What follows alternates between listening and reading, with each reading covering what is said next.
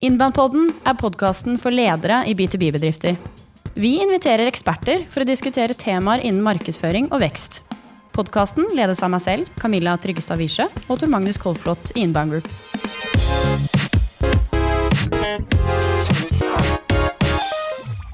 I dag har vi med oss eh, Helge Barat Johnsen. Ja. Eh, gründer. Startet eh, i hvert fall en av Norges største B2B møtebookingssuksesser, Innovation Support. Velkommen til deg. Takk, takk. Vi gleder oss til å høre litt eh, fra deg i dag, Helge, om eh, hva i all verden er det dere har gjort for å få til dette her. Hvis det er noen nysgjerrige lyttere nå som kanskje ikke har hørt om dette selskapet før, eller kanskje har hørt om det, gå litt inn på Proff, så kan du bli ganske misunnelig på de tallene, i hvert fall. Ja. Så et eller annet er gjort veldig riktig her. Gaselle år etter år. Alle piler peker egentlig bare oppover. Så eh, i dag skal vi prate litt om hvordan all verden dere har fått til det. Med litt ekstra fokus på salg og markedsføring, selvfølgelig. Hvordan Ja. dere håndterer det selv. Ja. Eh, hvordan dere håndterer salget deres eh, selv, og ikke minst hvilken rolle markedsføring, da, som vi brenner litt ekstra for, eh, Tor Magnus, eh, hvilken rolle det har spilt i denne veksten. Mm. Så er du klar for sånn skikkelig revolverintervju nå? ja, ja, absolutt. Jeg har litt sånn eh, pappaperm-hjerne, òg, da, hvis det er lov å si. Jeg er nettopp tilbake fra, fra pappaperm, eh, men har fått jobba nå i to uker og, og varma opp litt uh, i forhold til, til det her, da. Ok, Så du har pappapermhode, jeg har gravidboblehode. Hva har du, Tor Magnus? Hvilken last? En som begynte på skolen denne uken.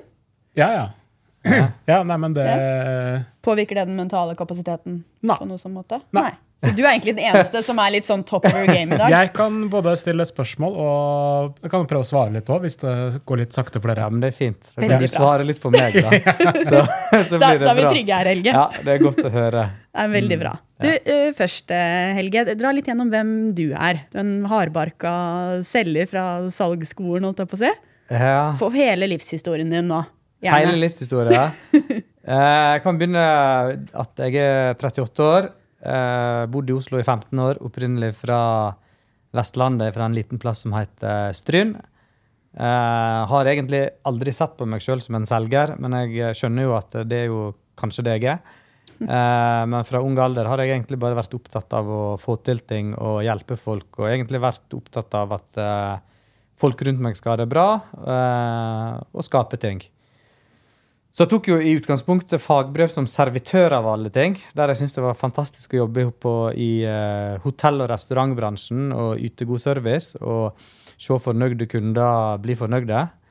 Eh, så eh, tok jeg allmenn påbygg, eh, og så ble jeg kalt inn i militæret. Så det var sånn jeg eh, endte opp i uh, Oslo. Var i Garden. Uh, og etter Garden så bestemte jeg meg for å søke meg inn på BI. For da hadde jeg tatt allmenn påbygg, så jeg hadde så, såkalt hva det heter, generell studiekompetanse. Mm. Så jeg kunne begynne på BI. Så visste ikke helt hva jeg skulle med det, da, men jeg søkte meg inn på entreprenørskap, som handla om det å starte, starte ei egen bedrift, og hvordan man skulle gjøre det. da.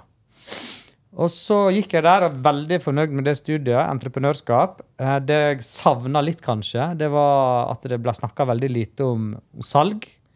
Det var sånn Salg, det, det var veldig masse annet vi lærte. Konkurrentanalyser og ja, egentlig veldig masse fancy ting. Eh, Men vi snakka lite om salg. Og parallelt med at jeg var eh, student på BI, så måtte jeg jo ha en salgsjobb. Eller, jeg måtte ikke ha en salgsjobb, jeg måtte ha en jobb. Du måtte ha en salgsjobb fordi du var student på Ja, BI? er jeg blitt så uh, Nå har jeg jobba så lenge med salg at det falt så naturlig å si. Men den gangen var ikke det nødvendigvis en salgsjobb jeg ville ha. Det var kanskje jobb som servitør eller et eller annet. Jeg må ha inntekt ved siden av studier. Mm.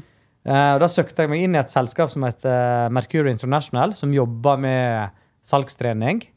Eh, og var heldig å få eh, jobb der eh, som den interne salgsressursen deres.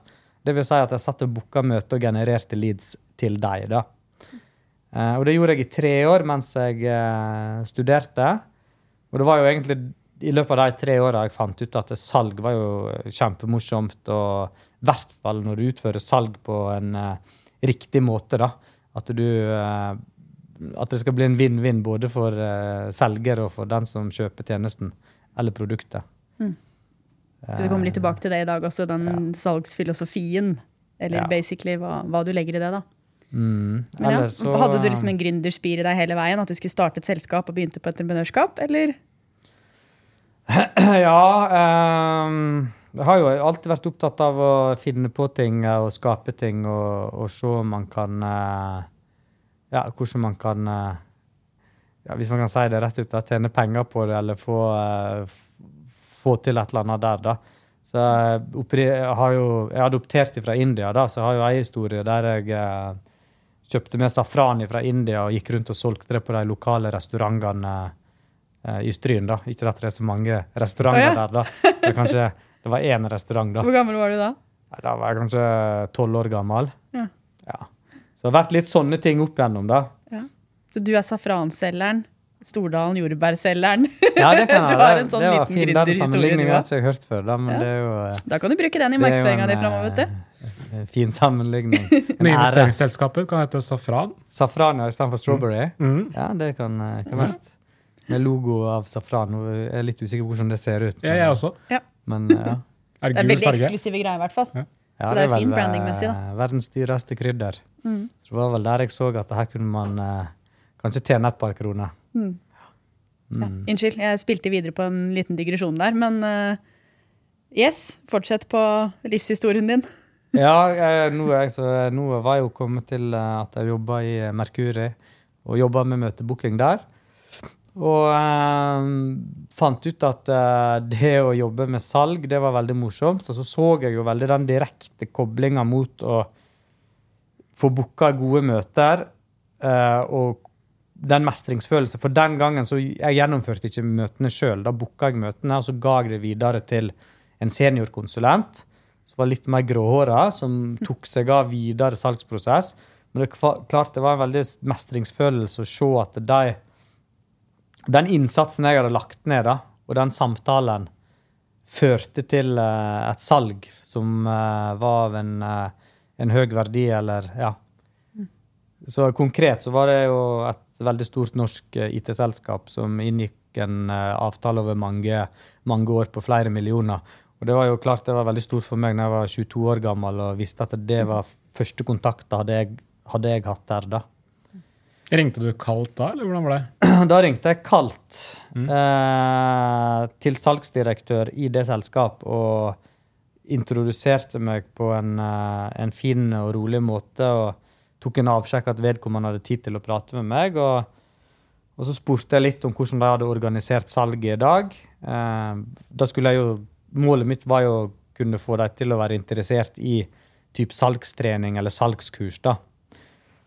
Og da fikk vi jo i gang en, eh, en samtale på eh, hvordan salgskulturen og hvordan de jobber med salg i det selskapet. da. Eh, som igjen gjorde at jeg fikk jo veldig masse god informasjon. Eh, og, eh, og igjen brukte det da til å kunne presentere en løsning som, eh, som falt i smak for vedkommende. da. Uten at jeg pusha på noe. Det var jo egentlig en fin dialog fram og tilbake. Eh, og, eh, og så viste vedkommende interesse for det, og det førte til et møte, da. Hvordan, hvordan hadde du liksom lært deg hvordan du skulle gjøre den møtebookingen og klare å få til den dialogen frem og tilbake, og ikke bare pushe på et møte litt dumt og enkelt? Ja, nei, altså, jeg, det var jo litt uh, det jeg opplevde at det kanskje markedet var litt sånn, da. At uh, typisk når man blir, skal bli booka et møte med, da, så er det en litt sånn pågående selger som ringer og maser hull i hodet ditt og aldri gir seg, da. At du Ja, hvorfor var ikke du en sånn? Nei, for jeg så jo at, eh, at det ville jo til sjuende og sist, hvis man fikk det møtet, og man hadde fått møtet på den måten, så ville jo det bli starta, vil man jo starte i minus. Da vil jo vedkommende liksom, Når jeg gjennomfører møtet, så spør jeg alltid hva er grunnen til at du takker ja til møtet. Og når jeg spør det spørsmålet, så vil man jo Det er noen svar man ikke vil ha. Og det er jo at den som ringte og booka møtet, den ga seg aldri, så jeg føler meg tvungen til å ha det møtet her. Det er liksom, det svaret vil man aldri ha. Eh, man skal jo, det svaret man vil ha, det er jo at det man syns det hørtes interessant ut, og vil gjerne se på mulighetene videre. da. Og så er det jo igjen et spørsmål. Sant? Skal det være at de som har sagt ja til et møte, skal føle at de har takka ja fordi de skal kjøpe noe? Det er svært sjeldent. Ofte så takker folk ja til et møte fordi de er nysgjerrig på å utforske noe videre. Men det ligger jo på en måte Man skjønner jo at eh, Det kan være noe at man skal kjøpe noe etter hvert. Men det er jo sånn at vi Det er jo ingen som liker å bli solgt Jeg tør jeg å si det, at det er ingen som liker å bli solgt til, men alle elsker å gjøre et godt kjøp. Så jeg mener at som selger så må du jo tilrettelegge for at eh, vedkommende kan gjøre et godt kjøp. da. Men Helge, 22 år, hvordan skjønte han at det var sånn det skulle gjøres? Bare klarte du å tenke deg frem til det selv, eller eh, var det et eller annet, eh, noen der ute som inspirerte deg? Det var flere som inspirerte meg i Merkuri. Var jo veldig mange dyktige, flinke konsulenter. Så gikk jeg jo på alle kursene som var der. Men jeg tror òg det var at Jeg tror av og til det er en fordel å ikke kunne så masse fra før òg. For jeg snakka jo mer som jeg var sjøl. Jeg genuint brydde meg om andre og hadde lyst til å finne ut av eh, hvordan det var de gjorde ting i dag, da. Og så fortelle hva vi kunne gjøre, da. Eh, Men det er jo klart at det var ikke sånn at alle ville snakke med meg, da. Men eh, jeg må jo ha fokus på de som faktisk ville snakke med meg. Så de som ikke ville snakke med meg, det fikk jeg jo eh, Det var helt greit, det òg. Så eh, ja.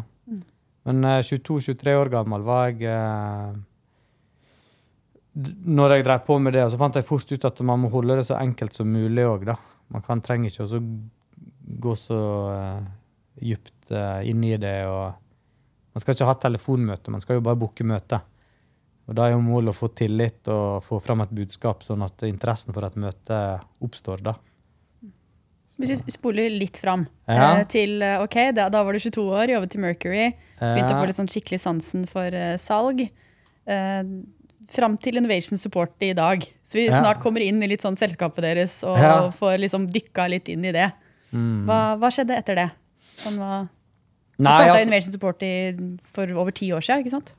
Ja, starta det vel eh, helt i starten av 2012. Mm. Eh, så i forkant av det så eh, Etter Mercurio så var jeg et startup-selskap som drev med software, heter Symphonical.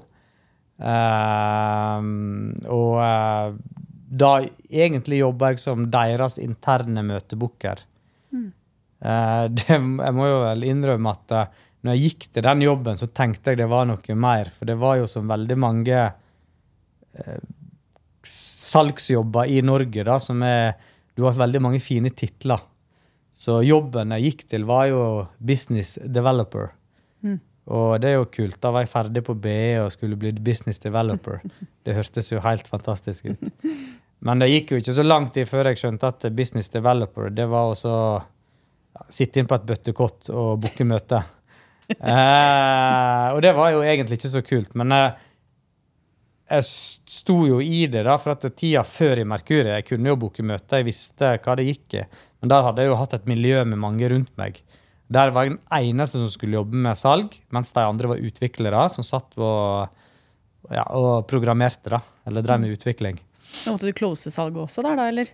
Ja, Da booka jeg møtene, og så satte de opp fysiske møter. Det var før eh, det var veldig populært med webmøter, og sånn, så det var fysiske møter som gjaldt. Eh, og så var det egentlig daglig leder som tok møtene i selskapet, men jeg var ofte med, da. Eh, litt for å lære å se, da. Så eh, det gjorde jeg der, og så, men etter hvert så begynte jeg å ta møtene sjøl. Og så etter det så tok jeg meg jobb som salgsleder. Da var jeg jo veldig stolt når jeg fikk den salgslederjobben. For fram til det punktet så hadde jeg jo egentlig bare levert egne salgsresultat og gjort det veldig bra på det. Men jeg hadde aldri på en måte fått det ansvaret å få andre til å prestere. da. Eh, Men jeg tenkte at siden jeg hadde fått det til sjøl, så skulle jeg vel klare å få andre til å få det til òg. Så da jobba jeg som salgsleder i eh, et års tid. Eh, et, eh, på et litt mer sånn ja, stort, tradisjonelt callsenter da, som hadde alt fra, fra salg, kundeservice, B2B, B2C, egentlig forskjellig. da. Um, og så i- etter hvert så begynte jeg jo å tenke da, at uh, her er jo et marked for uh, kartlegging, leadsgenerering og møtebooking mot bedriftsmarkedet. Det er jo et enormt potensial her. Så da tok jeg egentlig den beslutninga at eh, man, man slutta i jobben og starta for seg sjøl. Ja.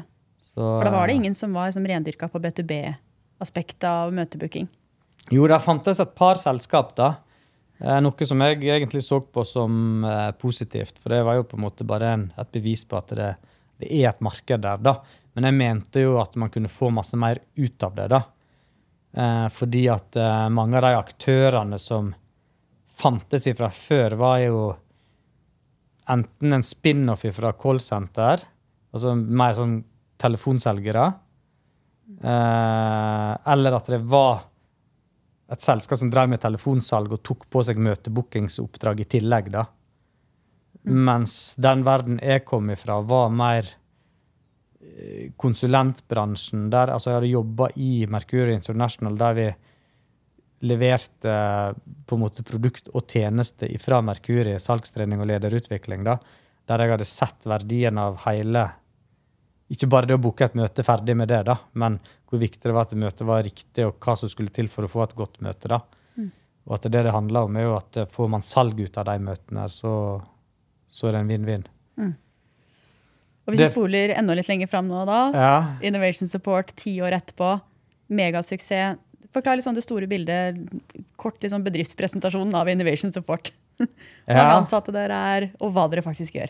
Ja. Eller aller først, tenker jeg. Ja, ok. Hva- mye- tilbake igjen.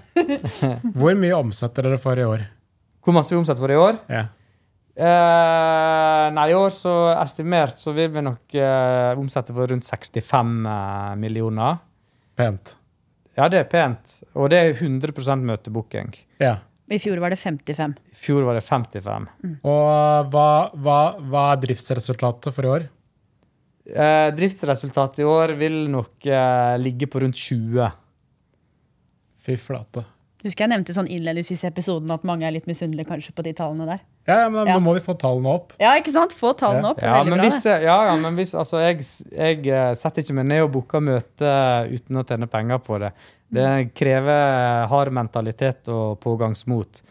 For det å sitte en hel dag fra klokka åtte til klokka fire og ringe fremmede folk eh, og få masse nei, det, det krever, sant. Og det òg var jo en sånn ting som jeg reagerte på innenfor salg. da. Nå snakker jeg ikke bare møtebooking, men det skal være så lett å tenke at ja, men selgere de skal ha provisjonsbasert eh, betalt. sant? Og det, det er liksom Jeg føler at salg er negativt ladda, så jeg vil jo ha opp den stoltheten til det å jobbe med salg. Og jeg ser på Innovation Support som et konsulenthus som leverer en tjeneste som gir verdi for våre kunder. Og så skal vi jo være flinke til å se på ja, men hvor mange møter har vi booka i år.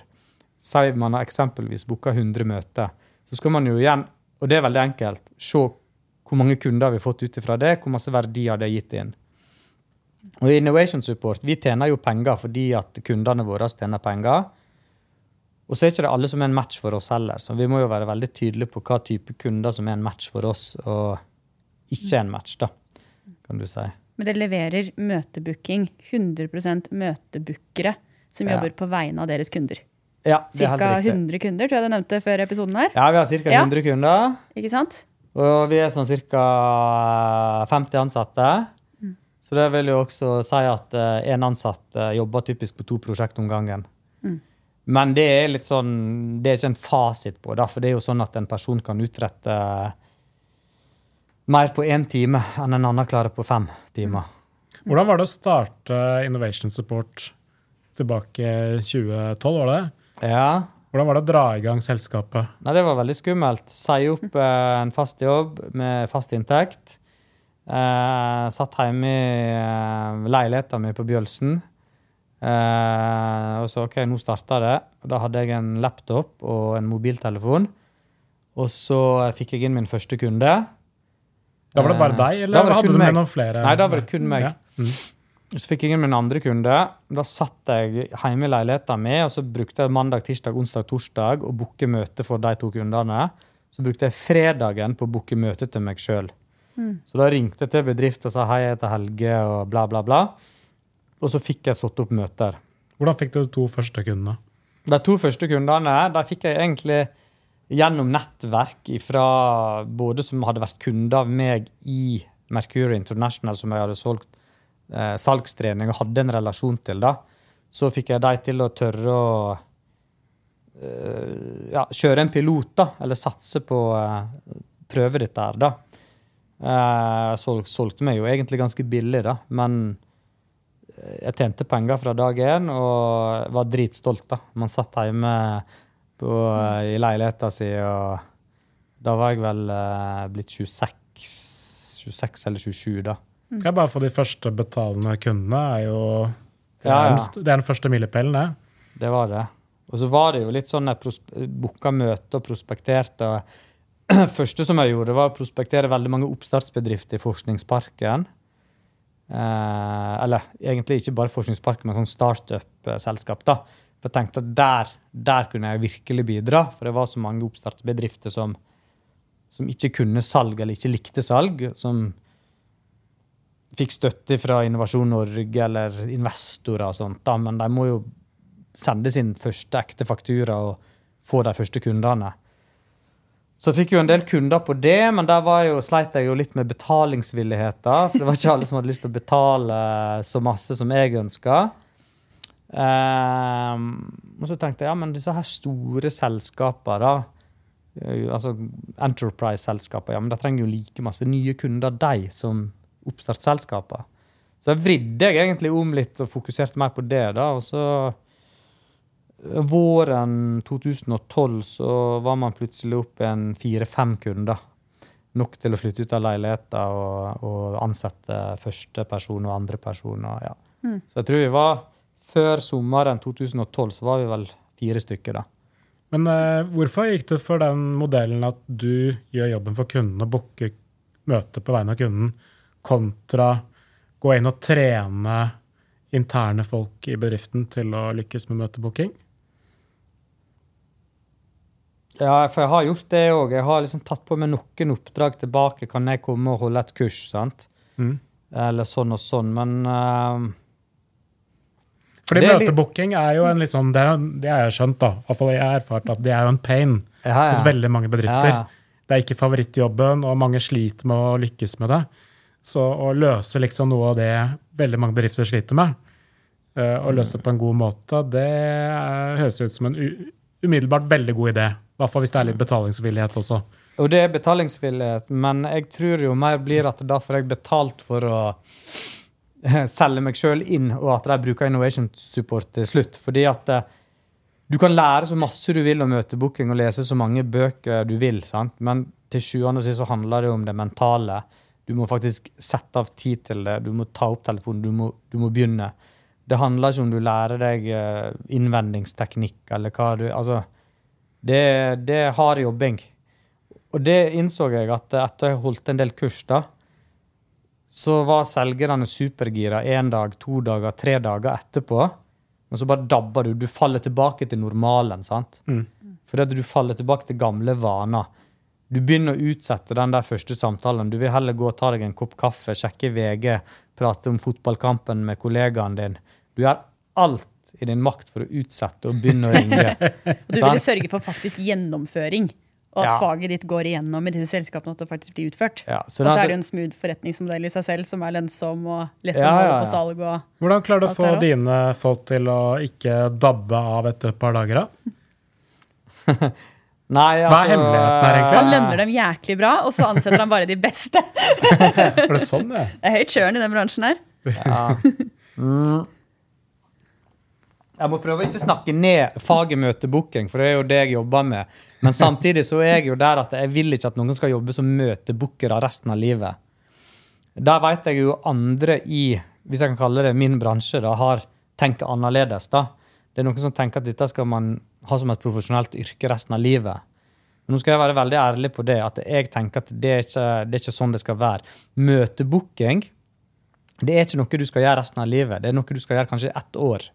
Du skal lære deg møteboken, Du skal lære hvordan næringslivet ser ut. hvordan uh, og det, det må jeg jo si først av alt, da, for det jeg snakker om jeg sier lære seg. Så det vi gjør i Innovation Support, det er å ansette relativt nyutdanna bachelorgrad-nivå-studenter. Si folk som er 24-25 år.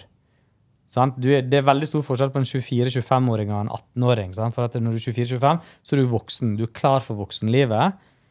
Men du skjønner Eller ikke alle. Jeg har to typer jobbintervju. Du har de som tenker de skal bli direktør i første jobben etter BI. Og så har du de som skjønner du må brette opp armene og begynne en plass. Og det er jo sistnevnte vi ønsker å ansette hos oss. Det er de som skjønner at ok, jeg eh, har gått på BI, jeg er ikke ferdig utlært, det er nå det begynner. Så sier jeg til dem ja, men da skal vi hjelpe deg i Innovation Support. Nå skal vi hjelpe deg å bli så god som mulig. Men det kommer til å koste. Det krever veldig masse. Men når du har vært i Innovation Support i ett år, så kan du veldig masse mer enn en annen person i liksom samme alder eller samme, samme nivå. da. Eh, så Derfor så sier jeg at møtebooking det skal du jobbe med ett år, og så skal du videre opp og fram. Og videre opp og fram, hva er det? Jo, Enten så kan du jobbe videre med markedsføring, rent salg, eller kanskje du har lyst til å utvikle deg som eh, mer som leder. Uh, vi har en del som jobber hos, hos, hos oss i ett år, og så begynner de heller på en master. For der vil ha et år mellom bachelor og master. Og så kan jo man liksom Man må jo være forsiktig at man ikke eh, lover gull og grønne skoger på at hvis du jobber i Innovation Support i ett år, så åpner det seg alle mulige muligheter. Sant? Så vi liker jo å hjelpe folk videre opp og fram som har vært hos oss, og det må vi jo levere på. Hvis ikke blir det jo bare, bare snakk. sant? Mm. Men det er det jeg mener som har gjort at vi har har virkelig fått det til, det at vi har fokus på å utvikle de ansatte. sant? Uh, Hvordan hjelper dere de videre etter det året? Vi har kunder hos oss som ønsker å rekruttere direkte fra oss. Mm, så Hvis vi hadde hatt en møtebooker hos dere, så er det naturlig at man har en plan om at om et år kanskje så ansetter vi vedkommende. Ja, For å videreutvikle vedkommende. Ikke ja. for at vedkommende skal Til å bli en closer kanskje hos oss, f.eks. For eksempel Eller, begynne å gå ut mm, til møtene. Mm. Men ikke for å sitte her og booke møtene. Ikke for at jeg er redd for å miste da eventuelt dere som kunder. Mm. Kanskje litt det òg. Men mest fordi at vedkommende må føle videre utvikling. Mm. For at jeg sjøl, når jeg jobba i Merkuri i et salgsmiljø, så var det morsomt. Men så gikk jeg over til det software-selskapet og jobba som møtebooker på et bøttekott. Holdt på å gå på veggene Mm. Og Det må vi passe på at de som jobber i Innovation Support det, det som holder oss gående, det er jo det arbeidsmiljøet vi har, og den kulturen. Hvis en person der begynner å jobbe hos en kunde og skal sitte og booke møte som den eneste personen i selskapet, så kan det bli litt tungt i lengda. da. Mm. Eh, man bør i hvert fall få flere oppgaver. Man kan jo booke møte, men da bør man jo gjøre flere ting i tillegg. da. Mm. Men uh, Litt tilbake til uh, Innovation Support og historien der. Uh, nå var du 26-27 år, år, gammel, uh, hadde begynt å få flere kunder, ansatte folk. Visste mm. du da, hadde du da en plan for hvor Innovation Support skulle være om ti år? Eller hva, hva, liksom, hva, hva foregikk i hodet til Helge da? Nei, ting begynte å gå bra? det, planen ble jo litt mer til etter hvert. Som, uh, jeg tror jeg liksom har sjelden hatt en plan som er mer enn to-tre år fram.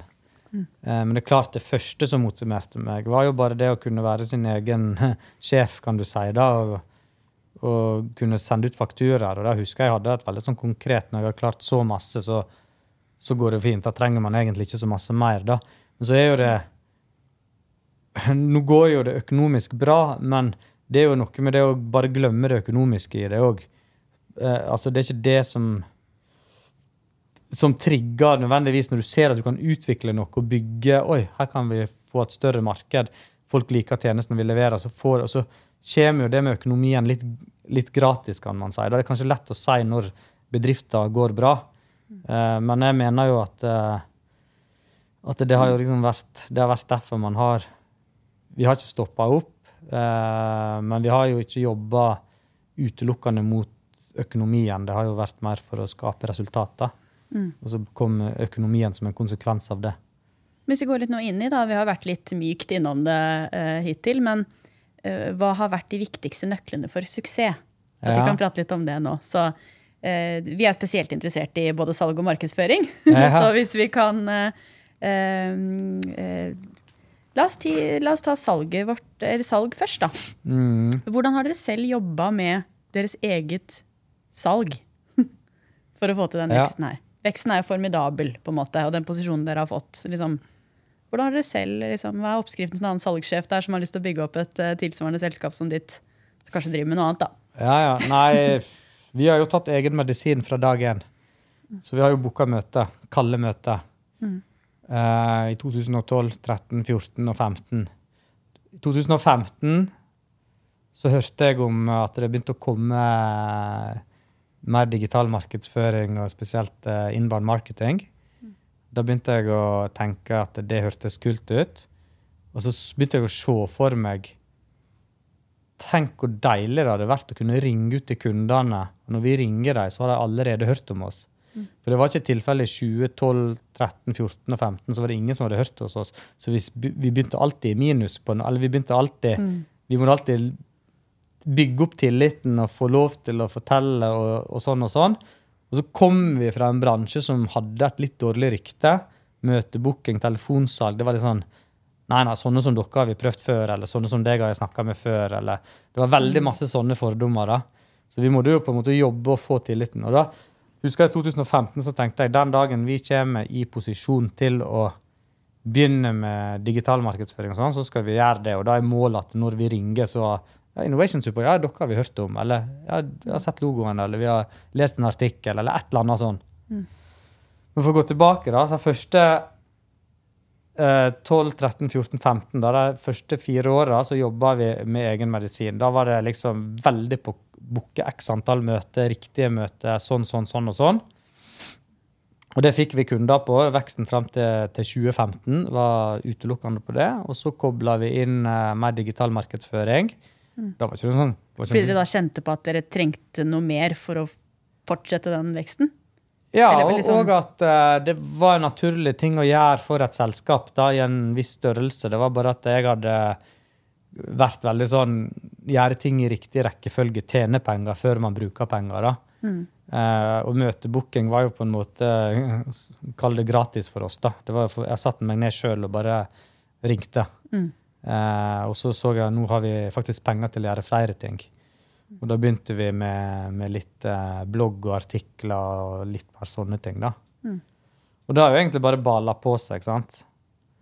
Eh, Så har jeg vært samtidig veldig opptatt av at vi må ikke komme i en situasjon der vi tror at eh, eh, den digitale markedsføringa eller altså markedsføringa skal gjøre jobben for oss. Sant? At eh, selgerne går ifra å være selgere til å bli liksom sånn ordremottak. Mm. Det blir sånn Det skal være, det skal være tillegg da, til salget, tenker jeg, da. Men i dag, da, sånn øh, øh, Dere starta selskapet. Da var det skikkelig cold calling. Ingen, kjente dere i markedet. Det var mye dårlige holdninger der ute. Det fantes ikke sånne rendyrka miljøer som dere, iallfall ikke den, det omfanget. Til i, i dag, hvor dere har en kjennskap som er jeg vil tørre å påstå ganske høy, i hvert fall rundt i Oslo. Jeg har hørt om dere i flere år, og så er jeg litt innenfor bransjen. Det er sikkert mange Ja. også som ikke kjenner til dere. Men um, uh, hvordan fordeler salget dere seg i dag fra henvendelser dere får, og hunting dere selv må skaffe? Nå sier man at det er mye av førstnevnte, men uh, eller er det fortsatt Og litt hvilken sånn grad av de dere ringer til Eller dere ringer i dag, ikke sant? Ja, ja. Ja, For eget salg. Og, og de dere ringer til der, hvor, mange, hvor, hvor stor andel av de har hørt om dere nå? De aller fleste. Ja. Og da, dere driver fortsatt med markedsføring, eller er det Ja, pausa det. helt? Nei, dere kjører på der Vi kjører på med markedsføring, så jeg vil si at uh, de kundene vi får inn i dag, så er det 50-50 blanding mellom innkommende henvendelser og utgående. Ja. Men de innkommende hadde aldri kommet hvis ikke vi har gjort de utgående. Nei. Eh, fordi vi har på en måte bygd opp litt det sjøl, da. For da kan folk dere har ringt for tre år siden, Ja. f.eks.? Eller? ja. Eller hatt et møte med for tre år siden. Ja. ja. Eh, men vi begynner å få den effekten. da. Folk skifter jobb. Vi har holdt på i over ti år nå. Folk skifter jobb. Eh, selskapet har brukt oss, eh, anbefaler oss til andre selskap, osv. Så, videre. så um, Hvor mye tid bruker dere på uh, markedsføring i dag? Sånn cirka? altså Årsverktid, bare for å få liksom Ja, perspektiv på Nei, vi, vi, vi bruker jo et uh, byrå som tar oss av, og jeg bruker tekstforfattere som, uh, som produserer. Da. Så vi har vel en artikkel i veka. Ja. Uh, I tillegg til det så har vi reklame på Flytoget. Mm. Uh, jeg prøver å tenke litt sånn kreativt. Hva kan vi gjøre som ikke alle andre gjør? Uh, til nå så har jo det fungert uh, bra, men man må jo hele tida tenke, tenke litt. Da. Men vi har, vi har jo vi har ingen ansatte internt som er ansatt som å jobbe med markedsføringa. Mm. Det har ikke vi. Vi har alltid brukt eksterne. Hvor mange har dere til sammenligning på eget salg, da? Kanskje litt vanskelig å svare på, for noen jobber sikkert Ja. litt på vegne av kunder og litt Ja, på vegne av dere. vi har fem Men stykker mm, på, eh, på eget salg, da, som vi kaller kundeansvarlige. da. Men ja, som bare jobber med deres salg. Ja, Ja. som booker møte til Innovation Support, Mm. men også eh, ja, får innkommende leads, da, som Mm. de må følge opp sjøl og sette opp møte og forvalte. da. Mm. Og så skal en, eh, en kundeansvarlig bygge opp sin egen portefølje da, og pleie den på en god måte. Mm. Så eh, Hvordan eh, finner du ut hvor mye du skal bruke på markedsføringa? Hva er grunnen til at du ikke halverer eller dobler ut fra dagens nivå? Godt spørsmål. Eh, jeg syns det er vanskelig å måle markedsføring. Jeg. Så det har vært litt mer sånn for meg jeg bare Vi er veldig glad i målet, men vi syns også det kan være litt eh, vrient uh, ofte. ja. Ja. Så for min del så har det vært litt sånn at nå, jeg har penger jeg kan bruke, da. Og så tenker jeg ja, vi må bruke litt på markedsføring, da. Men det som jeg ser at og Hvis man har lykkes med noe, for det kan være litt vanskelig å måle, da. Uh, men hvis du skal fjerne det, da, da det, det er litt skummelt. da, Fjerne hvis du har for si du har begynt med artikler en gang i veka da. Og så får vi jo god effekt av det, for vi får jo med at folk har lest det, og vi deler på LinkedIn, og vi ser at det skjer et eller annet rundt det. da. Så da blir meg frykten min på ja, men skal vi slutte å gjøre det. Nei, det, det kan ikke vi. Men jeg klarer ikke helt å se hva vi vinner, og hva vi taper. da. Og det er vel kanskje litt det som For jeg, tenker, jeg pleier ofte å ha en eh, liten sånn filosofisk regel om at du ikke skal ha flere markedsførere, ikke flere selgere enn du har markedsførere. Og så vet jeg, det er litt sånn utopisk for mange selskaper, og dere lever av salg og har full forståelse for det. Men det er noe jeg jobber etter her. da. Når vi stepper opp gamet vårt og ansetter en ny selger, f.eks., som vi gjorde forrige uke, um, så skal vi også uppe gamet vårt på markedsføring. Mm. Um, uh, men så er det litt sikkert det som jeg hører, at det å måle effekten av en selger er jo ganske enkelt. Mm. Eller sånn relativt, Du vet hvor mange møter du får inn, booket av den møtebookeren. Du vet liksom hitrate på et salg der, og du vet ultimat hvor mange kroner den selgeren er verdt. Mm. Og så er det vanskeligere for markedsføringa. Mm. Um, eh, nå skulle jeg egentlig følge opp med et spørsmål. Det var egentlig mer en refleksjon. Jeg har glemt spørsmålet. Ja, ja, ja. Uh, men, uh, men litt sånn, man kunne jo tenke seg egentlig at dere, dere satser relativt defensivt på markedsføring, egentlig. Ja. Sammenlignet med tanke på at det er fem Ja, fem, fem fulle salg? møtebookere, da. Nå, nå var det litt debatt her, ikke sant? Ja, Vi ja. to fagmiljøer her nå som kommer fra litt forskjellige perspektiver. Men liksom fem møtebookere som må bruke ganske mye tid på å booke møter. Og så sier du at dere fortsatt får halvparten av salget deres fra hunting. Sånn, vi kommer gjerne fra en verden hvor vi ønsker, eh, både for oss Ja. selv, og vi er der, men også hjelpe kundene våre med å få stadig flere henvendelser. da. Mm. Vi jobber jo egentlig for at din bransje skal bli arbeidsledig. Ja, ja. Hvis man ser litt på ytterpunktene, da, så er det jo aldri sånn. For det vi jobber med kundene våre bedre sammen med- effekt, Camilla. Bedre Vi var vel kanskje, altså Før, eh, hvis man går eh, si, seks år tilbake, da, kanskje enda mer, så var man kanskje enda mer sånn enten-eller eh, Mm. eh, på salg eller på, eh, på innkommende, da. Da var jo inbound var liksom krig mot outbound. Ja, det var litt sånn, eh, Død over møtebookeren, og det var jo Ja, ja, da, da var det full krig. Men nå har man vel mer skjønt at eh, det er kanskje ikke så dumt å tenke på begge deler samtidig. Mm. At en, eh, man kan spille hverandre god, da. Mm. Men det er jo klart at jeg har jo jobba egentlig med salg hele tida, og det er det jeg kan. Så da er det vel naturlig for meg å være flinkere å måle det. Og det er som du sier, da er det veldig lett for meg å se den selgeren er lønnsom eller ikke. Og eh, hvor har den eh, selgeren fått kundene sine? Har de på en måte eh, fått dem kun gjennom innkommende, eller har de gjort en innsats sjøl? Og kan godt hende jeg er litt gammeldags på det området. sant? For jeg er jo veldig sånn at jeg mener at selgerne må jo få tak i noe sjøl. Eh, men så kan jeg gjerne, gjerne spe på litt og gi noen innkommende leads i tillegg. Eh, men det er jo sånn, sånn som han eh, ferskeste selgeren hos oss, han har jo fått inn kunder, men han har jo nevnt at begge de han har ringt for å booke møte med, hadde jo kjennskap til Innovation Support fra før. Hadde sett reklame på flytog av oss, koordinert med artikler på nett. sant? Det er jo lettere å få aksept på det møtet da. Så Det er jo ikke et lead eller en henvendelse, men det gjør jo at den salgssamtalen sannsynligvis flyter mye bedre. masse lettere eh, nå enn hvis det hadde vært for uh, 2013. Da det var ikke noe om oss uh, ute. Mm. For en tid tilbake så hørte jeg om et eh, jeg husker ikke navnet, et norsk eh, selskap som hadde lykkes veldig godt i USA. B2B. Og, og, og da var det spørsmål om okay, ok, hvordan har de fått til dette her. Det er ikke bare bare å gå inn i USA. Det er jo ofte beintøft. Um, og da var det det var ikke mer enn at salg og marked hadde jobbet veldig smart sammen. De hadde definert hvem som er eh, liksom, kjernemålgruppe, idealkunde eller personas osv. Og, mm. og så hadde da salg og marked jobbet med den samme lista med potensielle kunder. Uh, hvor de hadde kjørt på med annonsering og innhold og veldig målrettet mot den lista med 1000 uh, konkrete navn. Mm. Og fulgte opp med å ringe. Men de ringte ikke til de som de ikke hadde forsøkt markedsføring på først. da. Mm. Bare sånn at man, De man ringer til, de har da stort sett hørt om deg. da.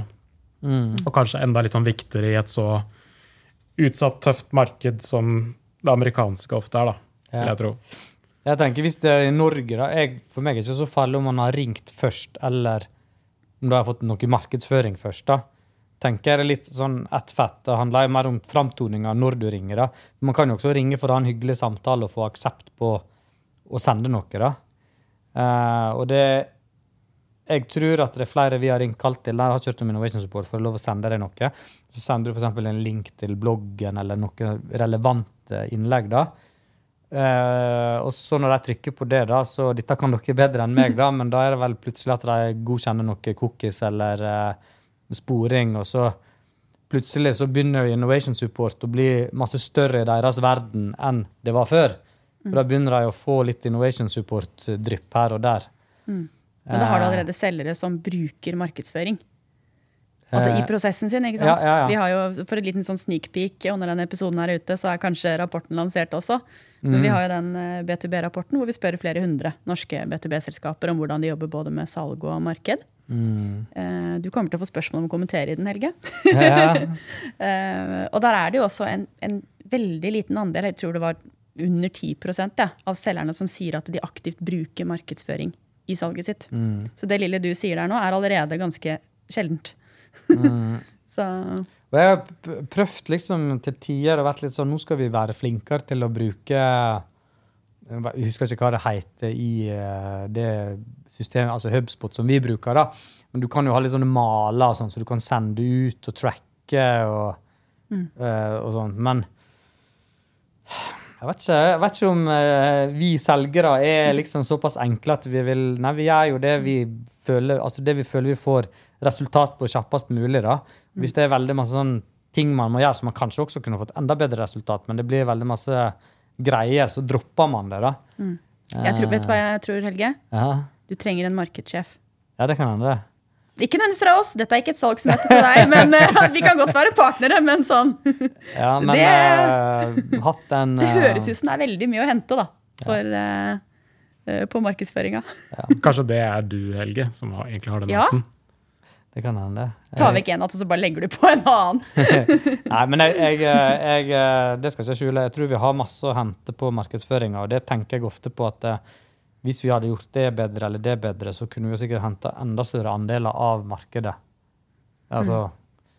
Nå omsetter vi for ja, som vi sa, 65 i år, sant? og så tenker jeg hva skal til for at vi får når 100. Så er det jo litt deilig å vite at man ikke har um, eh, utforska alt ennå. Mm. Så ja. ja. Hva er veien videre nå? Hvor, hvor, hvor, skal, hvor skal du med selskapet nå? Nei, Vi skal fortsette å vokse i Norge. Og så skal vi fortsette å vokse litt i Sverige og Danmark. Vi har eh, litt kunder der òg.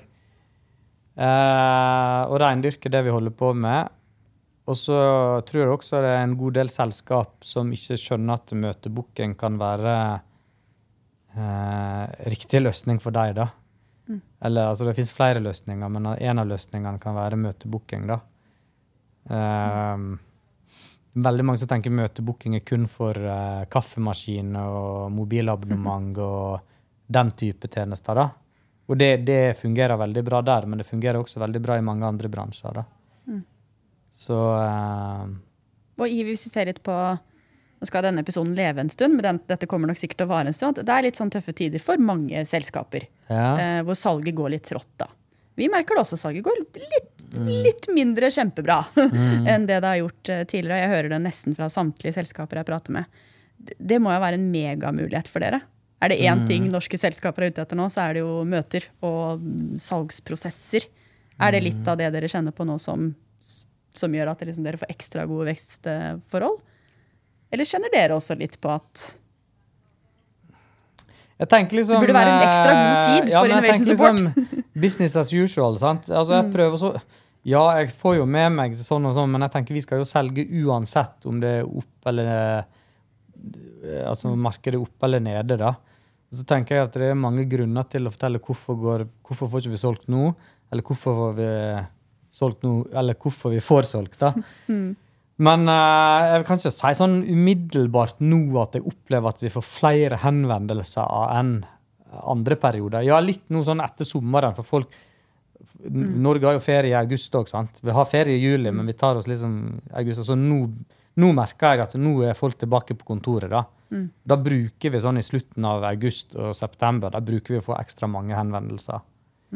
Eh, selskapene opplever at pipen er litt tom? ja, men det kan godt hende at det er ekstra masse i år som er eh, Jeg skulle kanskje kunne målt det der med et eller annet markedsføringsverktøy, men eh, Ja.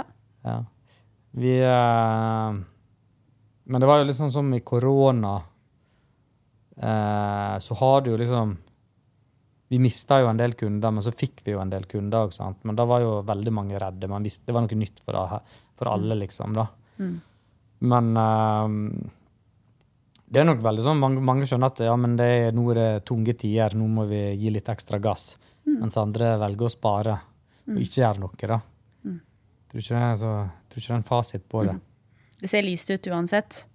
Nå hørte jeg du hadde på et spørsmål på Auto, Magnus. Vi er ved veis ende. Du kan stille ett spørsmål før vi runder av. Yes. Hva har vært dine største utfordringer med å bygge selskapet de siste ti årene? Det er kanskje fordommer mot eh, møtebooking da, og telefon. At det er liksom, liksom telefonselgeraktig. da. Det å bevise at eh, ja, men det går an å gjøre det på en skikkelig måte, selv om vi bruker telefon som verktøy. Og- vi- Grunnen til at vi bruker telefon som verktøy, er for at det er mer effektivt enn masse annet. Sykle rundt på en sykkel og besøke folk, eller, eh, eller en sånn sparkesykkel som er så populært nå. da. Så for meg er jo bare telefonen et verktøy for å oppnå kontakt og bygge relasjoner. Så den holdningen var det, gjorde det vanskeligere å rekruttere ansatte, eller å få kunder, eller beholde kunder, eller hva? Nei, det det begge deler, egentlig. da. For jeg har eh, kunder som hadde fordommer mot det. Nei, vi har prøvd et eller annet sånn greie tilbake på 90-tallet, liksom. 90-tallet, ok, greit. Eh, men eh, skal du Har du bestemt deg? Har du den overbevisninga med deg inn i evigheten at eh, det funker ikke at mennesker snakker med hverandre? Og så spesielt ikke hvis det er telefon. Så, så det var liksom den, da. Men også på ansatte. sant? For Man må kalle en spade en spade. Sant? Så det har jo vært veldig mange som har takka nei til jobb i Innovation Support. Spesielt i oppstartsåra. Uh, og så begynte jo jeg, som jeg var inne på tidligere, begynte jeg å pynte litt på stillingene og kalle det noe annet enn det det var. og Fikk endelig folk inn, men så lurte jeg meg sjøl, egentlig. Satte folk som trodde de skulle jobbe med andre ting enn det de egentlig skulle gjøre. Men nå er vi kommet dit at nå kan vi kalle en spade en spade. Hva kalles en møtebukker hos deg? da? En møter booker. Å ja, ok. Det er ikke senior business developer executive? Nei, det er ikke det. Nei. Det kan være at de får en annen tittel, for vi har jo kunder. For vi folk, eh, De som jobber i Innovation Support, kan jo på en måte, de er jobber jo for en kunde. Så hvis kunden ønsker at de skal ha en annen tittel, så kan de få det. da, På nettsida deres, f.eks. Mm. Men uh, ellers så bruker vi møtebooker. Bonusspørsmål. Hva er du aller, aller mest stolt av, Helge? Hva jeg er stolt, aller mest stolt av? Ja. Nei, man, er, man blir jo veldig stolt av eh, å se selskapet gått ifra å sitte hjemme i leiligheten til å være 50 ansatte. Du startet helt fra scratch. Ja, det var helt fra scratch. Yes. Hadde eh, egenkapital på hva det var, 30 000 så å etablere et AS. Det er det nå, Det- i hvert fall. Så det er jo kanskje mindre da, men jeg vet ikke. Ja, Det gikk i hvert fall ned fra 100 til 30 000 på et eller annet tidspunkt. Og 100 000, det var ikke sjans i havet at jeg hadde. Altså, jeg startet bedriftbyrå da jeg var 20. Ja, Jeg er en barndomsvenn. ja, Og vi måtte skrape sammen 100 000. ja. Og det, det var ikke bare bare, altså. Nei, nei, det Da var det flere familiemedlemmer som måtte ja, ja. Det var mye safran som måtte ha blitt solgt. Ja, det var safranpengene som gikk på å starte Det var det, ja. Ja. Innovation Support, kanskje. Neida. Men eh, det er man veldig stolt over å se det, da. Men så vil jeg også si at det er, eh, for å avslutte den, da, at det er 50 ansatte. Og så er liksom det har gått ifra å være en gründerbedrift der man gjorde masse sjøl, til å bare at man har på en måte fått et system, da. Der jeg så nå, spesielt nå når jeg har vært på pappaperm, at ting bare fungerer uten meg òg. at det er veldig mange flinke folk som jobber i bedrifter, og at vi har på en måte lykkes med å, å, bli ei ekte bedrift. da. At, eh, sånn at man har gått liksom fra det lille kontoret hjemme i leiligheten til å bli ekte bedrift. da. Mm. Så gøy. Og det ser ut som det blir lyst framover også. Ja, vi satser på det. Tusen takk for at du var med, Helge. Takk.